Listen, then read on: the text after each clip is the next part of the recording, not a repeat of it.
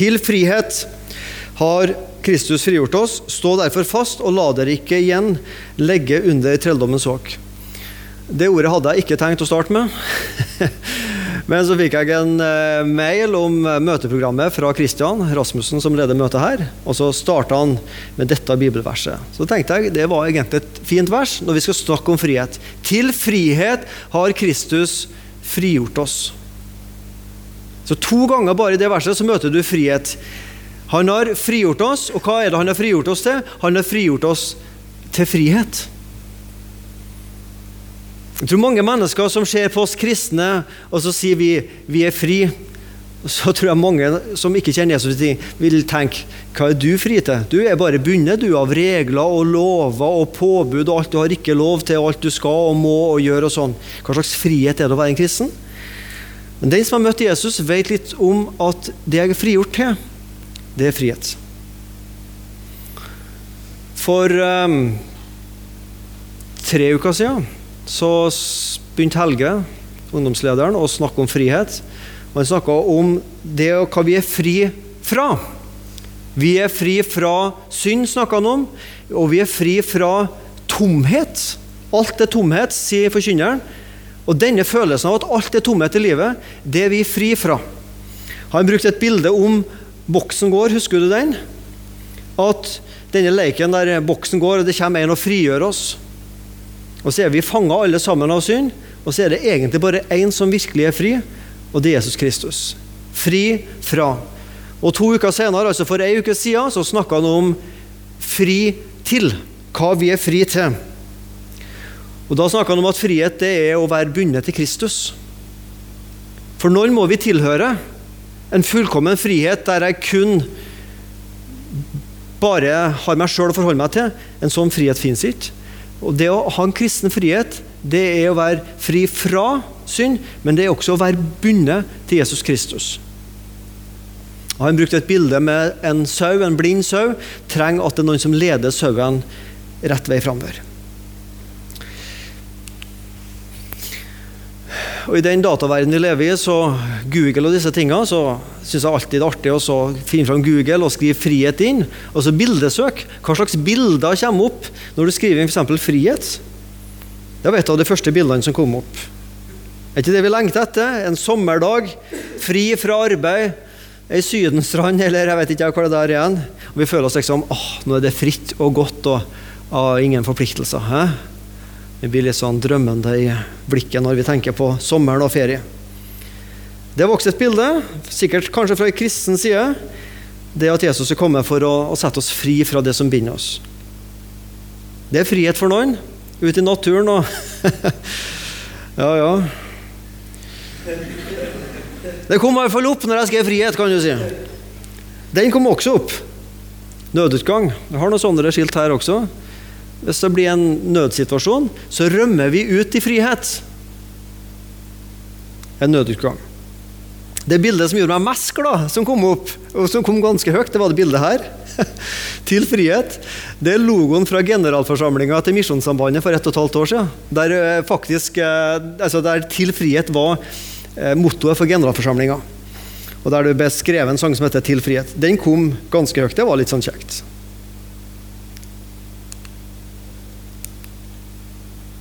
Frihet, det er et gode. Og når vi har fulgt med i media de siste dagene og sett på TV-en fra Egypt og Tunisia og Nord-Afrika, så skjønner vi at dette med frihet det er veldig viktig for menneskene. Vi som sitter her, vi skjønner lite av det der. Sjøl jeg som har passert 40 år, egentlig skjønner lite av det. For også jeg er født etter krigen, utrolig nok. Altså etter andre verdenskrig. Ikke Kuwait-krigen, men andre verdenskrig. Vi, vi, har levd i et fritt Norge hele tida. Vi har aldri hatt noen diktator over oss. Du kan mislike den eller den statsministeren og regjeringa. Det er ikke det jeg snakker om. Men vi har alltid levd i et fritt land. Og vi vet egentlig ikke hva det vil si å leve i ufrihet i et land. Sånn som de gjør i Nord-Afrika med disse diktatorene. Og friheten er en, Lengselen etter friheten er en mektig drivkraft hos dette folket. Og Så starta det med at en tuniser tente på seg sjøl. Han brant seg sjøl til døde, og så ble det satt en brann. Og Så har det også blitt et bilde som jeg ikke skal ta i dag, men som jeg har tenkt på. Ett menneske som ofrer seg, gir sitt liv og setter andre i frihet. Et menneske som er tent i brann, så kan vi overføre det på å bli tent i brann for Kristus. Hva kan det skape av ringvirkninger? Det skal jeg ikke preke om i dag, men det var en sånn tanke som slo meg. Frihet det er et gode. Men så er det noe med friheten, folkens, at dette gode frihet det må på en måte vernes, men det må også settes grenser for.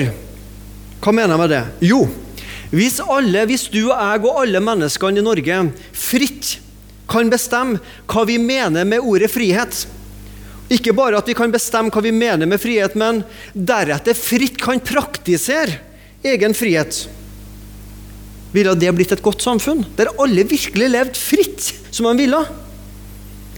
Et samfunn der det er stor grad av frihet. Hva er det som skjer i et sånt samfunn? Et slikt samfunn må ha mange regler. Frihetens land nummer én i verden, hva er det? USA. Fins ikke noe land i verden som har så mye regler som USA. For man må begrense den menneskelige friheten, sånn at ikke friheten skal ødelegge for fellesskapet.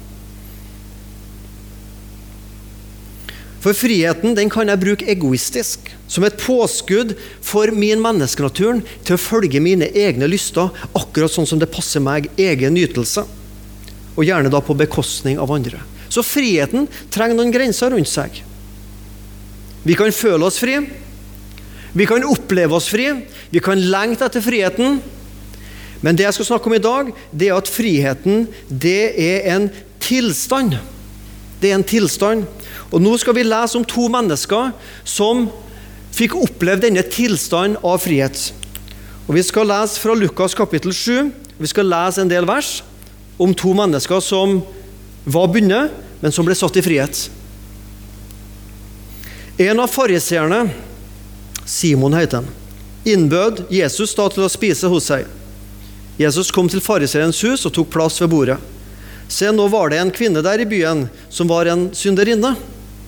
Da hun fikk vite at Jesus satt til bords i fariseerens hus, så kom hun dit med en alabastkrukke med salve.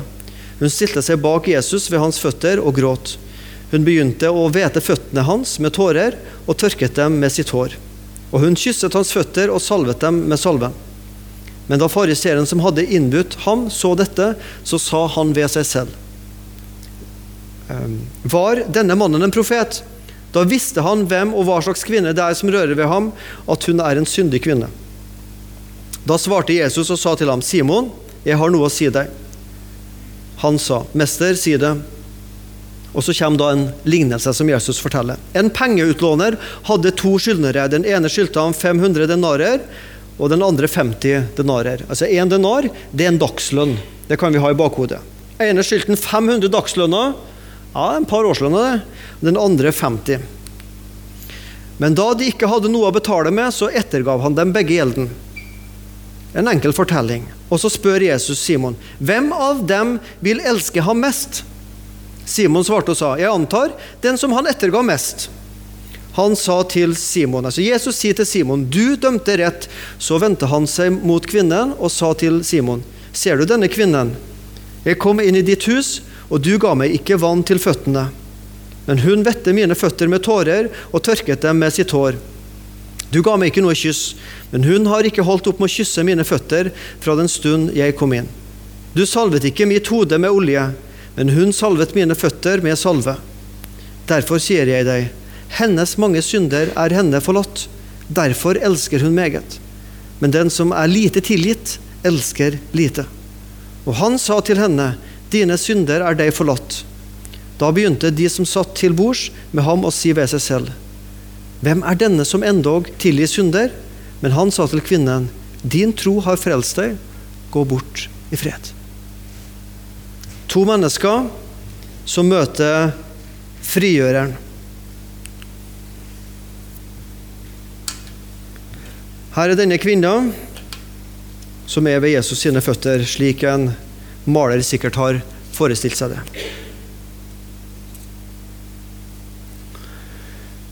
Hva følte og tenkte denne kvinna før hun møtte Jesus?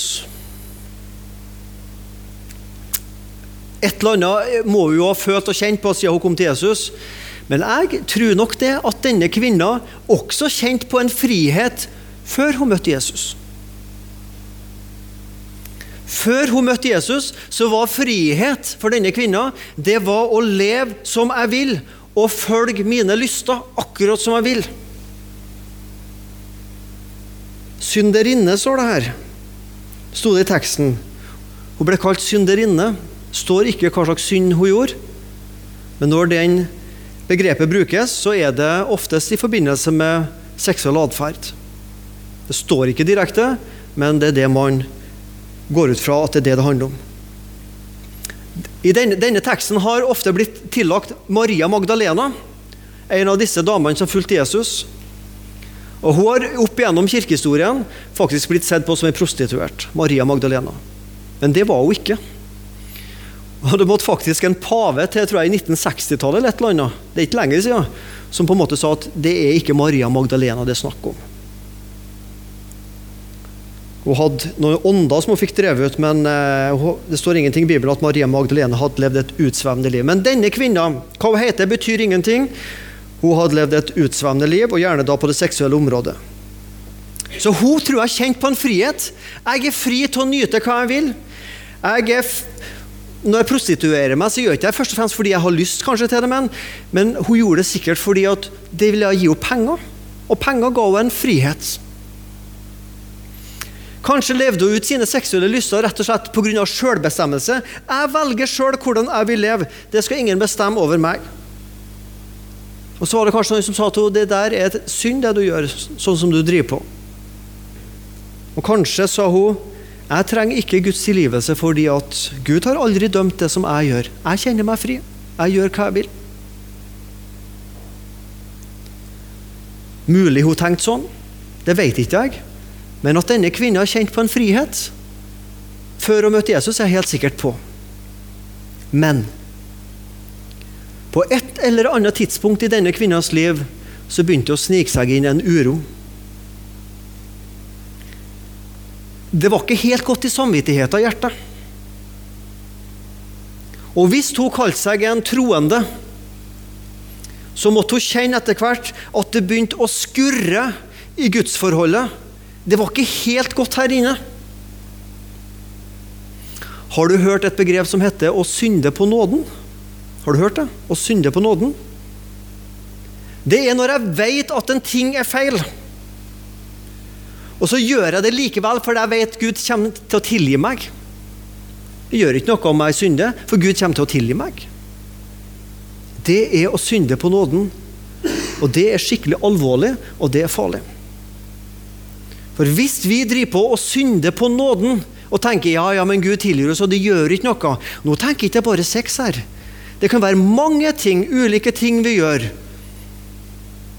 Det kan handle om pengebruken vår. Det kan handle om arbeidstida. At vi snylter litt på arbeidstida til arbeidsgiveren litt her og der. Det kan være at vi tar noen snarveier her og der i livet og kutter noen grenser og regler her og der.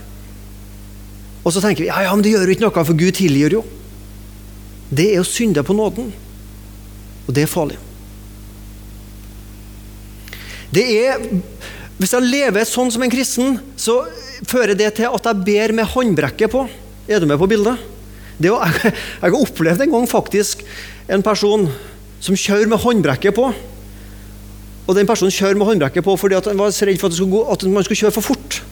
Måtte ha litt bremsing på. Det er jo forferdelig dumt. Men hvis jeg synder på nåden og lever sånn, og utfordrer Guds nåde på denne måten, så blir det et bønneliv å be med håndbrekket på. Det blir så varmt til slutt at det brenner seg fast. Det går i stå. Jo da, jeg tror denne kvinnen har kjent på en frihet også før å møte Jesus. Men det begynte etter hvert å skurre i livet. Jeg kan ikke gå rundt og kalle meg en troende. Jeg kan ikke gå rundt og kalle meg en kristen i 2011, har vi kommet til nå og synde på nåden. Det er farlig. Fariseeren Simon han kjente også på en frihet.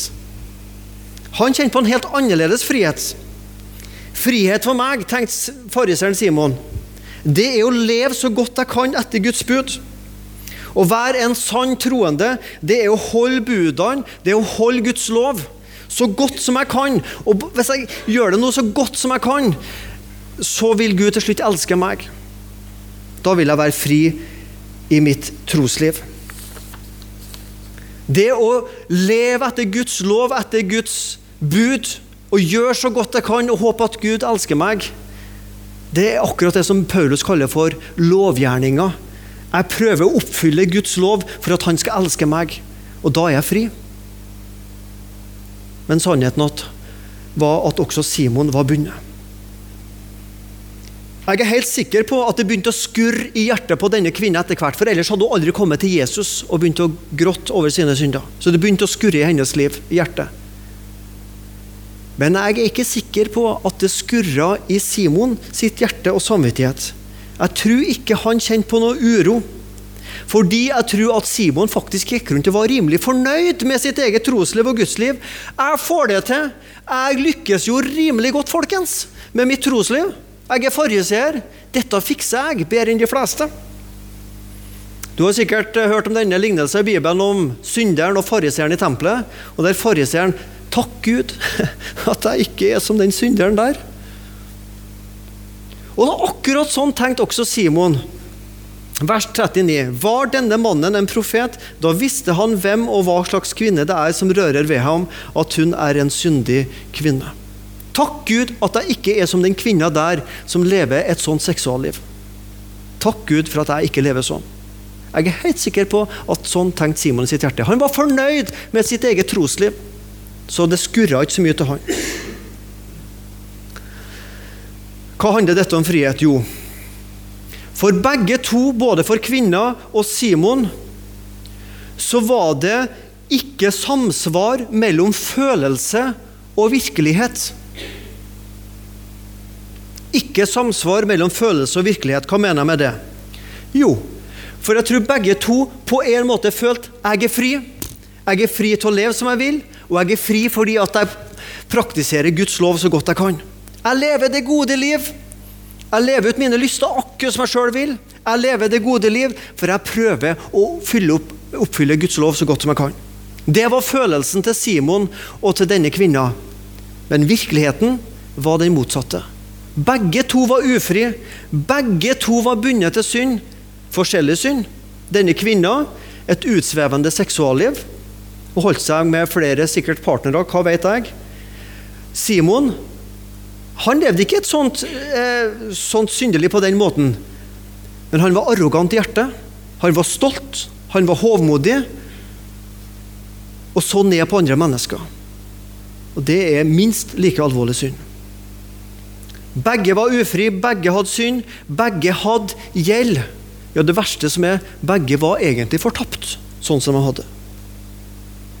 Og så møter de Jesus. De møter frigjøreren. Simon kommer. Han, han, nå snakker vi jo litt negativt om Simon her, men jeg må jo si, det er jo noe positivt med Simon. Han inviterer jo Jesus hjem til seg, og han var jo fariseer. Altså, Fariseer og Jesus gikk jo rimelig dårlig sammen til vanlig. Og Her tar altså Simon sjansen på å invitere Jesus hjem til seg. Og Han måtte vel skjønne at dette, hvis jeg gjør det nå, så får jeg trøbbel med kameratgjengen min av fariseere. For de liker jo ikke Jesus. Så ære være Simon at han inviterte Jesus hjem til seg. Og Så forteller Jesus denne lignelsen om disse skyldnerne. Og begge hadde gjeld. Og det er som Jesus vil si. Simon, du har gjeld, og kvinna hadde gjeld. Du Simon, du har klart deg rimelig bedre enn kvinna sånn i det synlige syndene som å stjele og drive hor og en del av disse tingene der. Der har du klart deg rimelig bra. Så i menneskets øyne så har ikke du så stor gjeld, men også du har gjeld. Begge to hadde ei syndegjeld for Gud.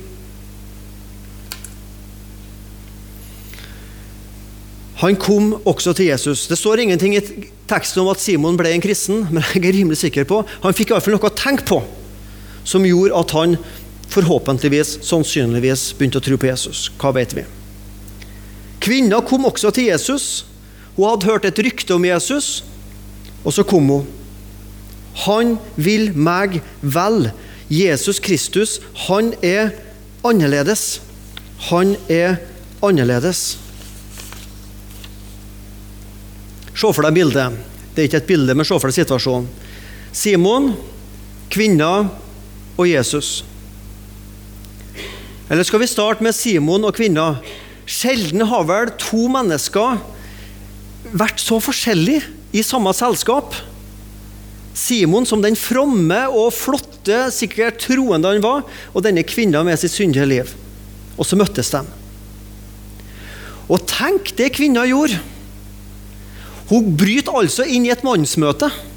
Her sitter menn og har hyggelig lag og har mannsmøte og snakker om bil. og Det snakka de sikkert ikke om, for det var jo ikke funnet på den tida, men de hadde sikkert noe de snakka om, i tillegg til det åndelige. Og så kommer denne kvinna og bryter inn i et mannsmøte. Og så kommer denne kvinna med sitt liv og bryter inn i en sånn gjeng av i, i åpenbare, det er sånn liksom i folks øyne, syndfrie mennesker. Altså Hva tenkte hun på? Men nøden drev henne til Jesus. Så to forskjellige mennesker.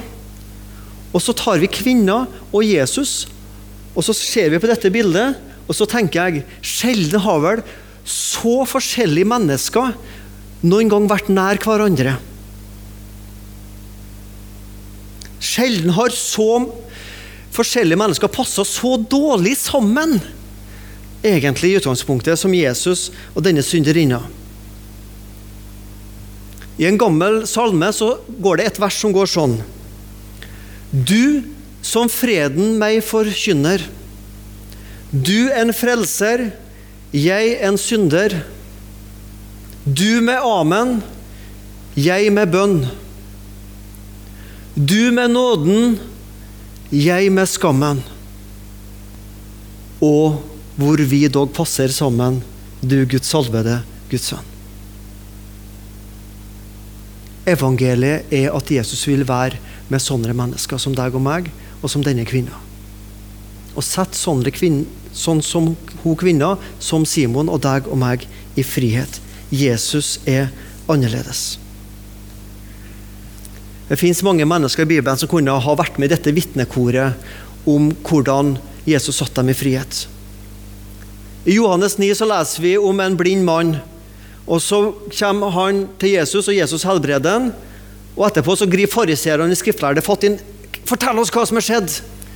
Og han bare sier det som det. 'Jeg var blind, så møtte jeg Jesus, og nå ser jeg.'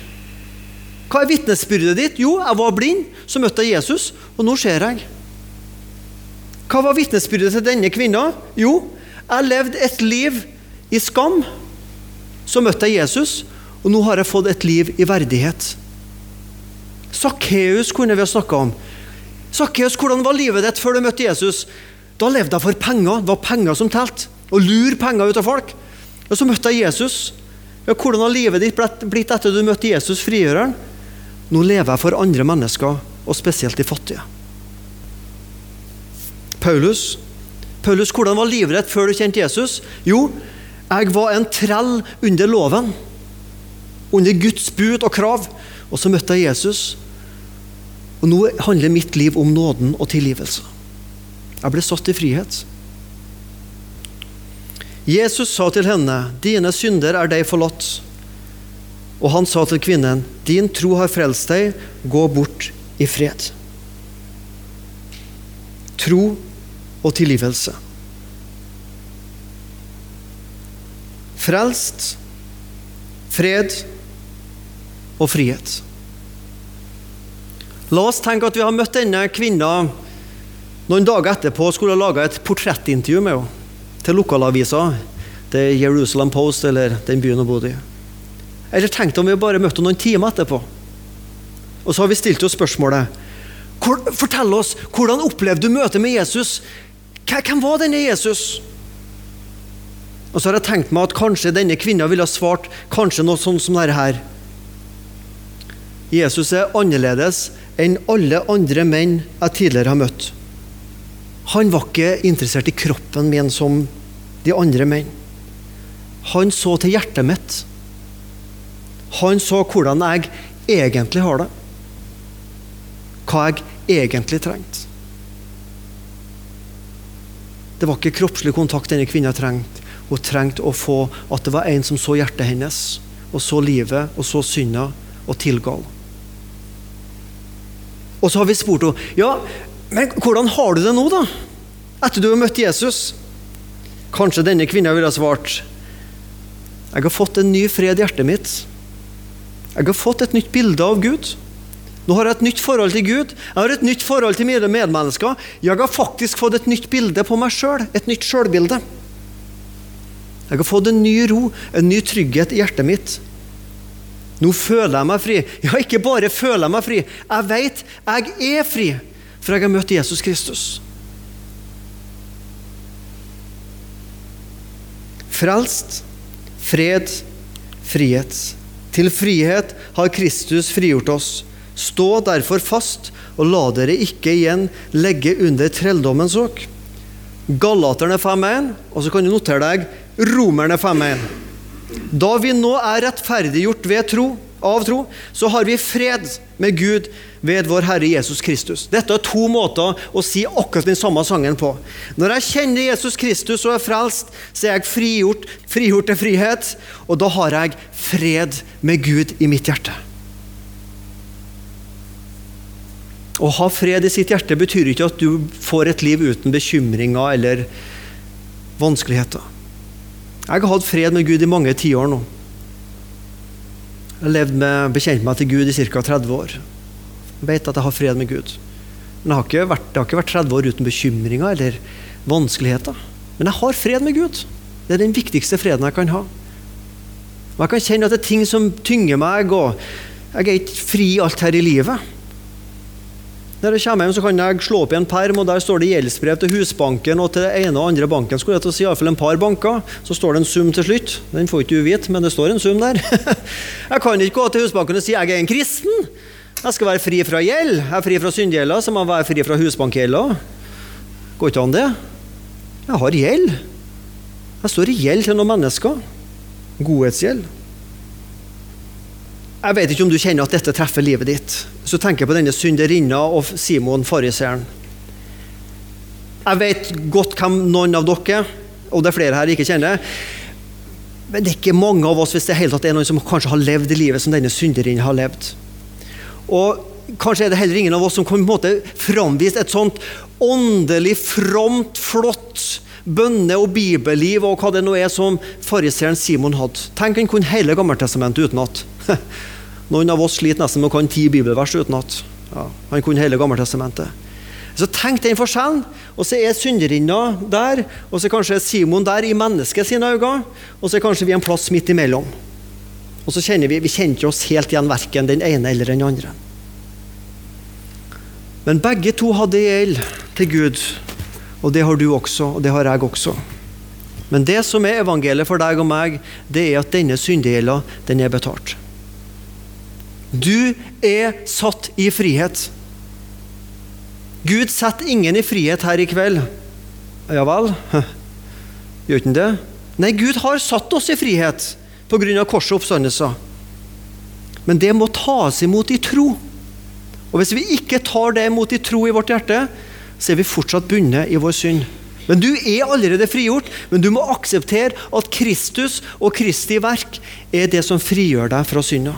Og når du aksepterer det og sier til Gud Gud, jeg vil leve med deg, og jeg vil ikke leve et liv der jeg synder på nåden, så ser Gud til deg og sier du er fri, du er frelst, og du har fred med meg. Kjære Herre Jesus Kristus. Du kjenner våre liv som sitter her. Mange av oss har hatt en rolig og grei oppvekst og lite tull. og Vi har liksom ikke store synder enn Jesus som vi kan si liksom, å, jeg har gjort sånn og sånn svære ting. Men jeg har mitt Jesus, og jeg vet at det er nok til å være under din dom hvis jeg ikke får gjort opp med deg. Men du kom for å sette mennesker i frihet, og du satte oss i frihet, Jesus, pga. ditt kors. Takk for at det skal vi feire, ikke bare i påska, det feirer vi hver helg og hver dag. Jesus vil vi være med og takke deg for at du har satt oss i frihet. Men så sitter vi noen her i kveld, Jesus, som vi ber om som kjenner deg, at vi må leve dette frihetslivet. Og så sitter kanskje også noen her, Jesus, som ennå ikke har tatt imot deg, som kan personlig i kveld få ta imot denne friheten inn i hjertet. Takk, Herre, at du er frihetens konge.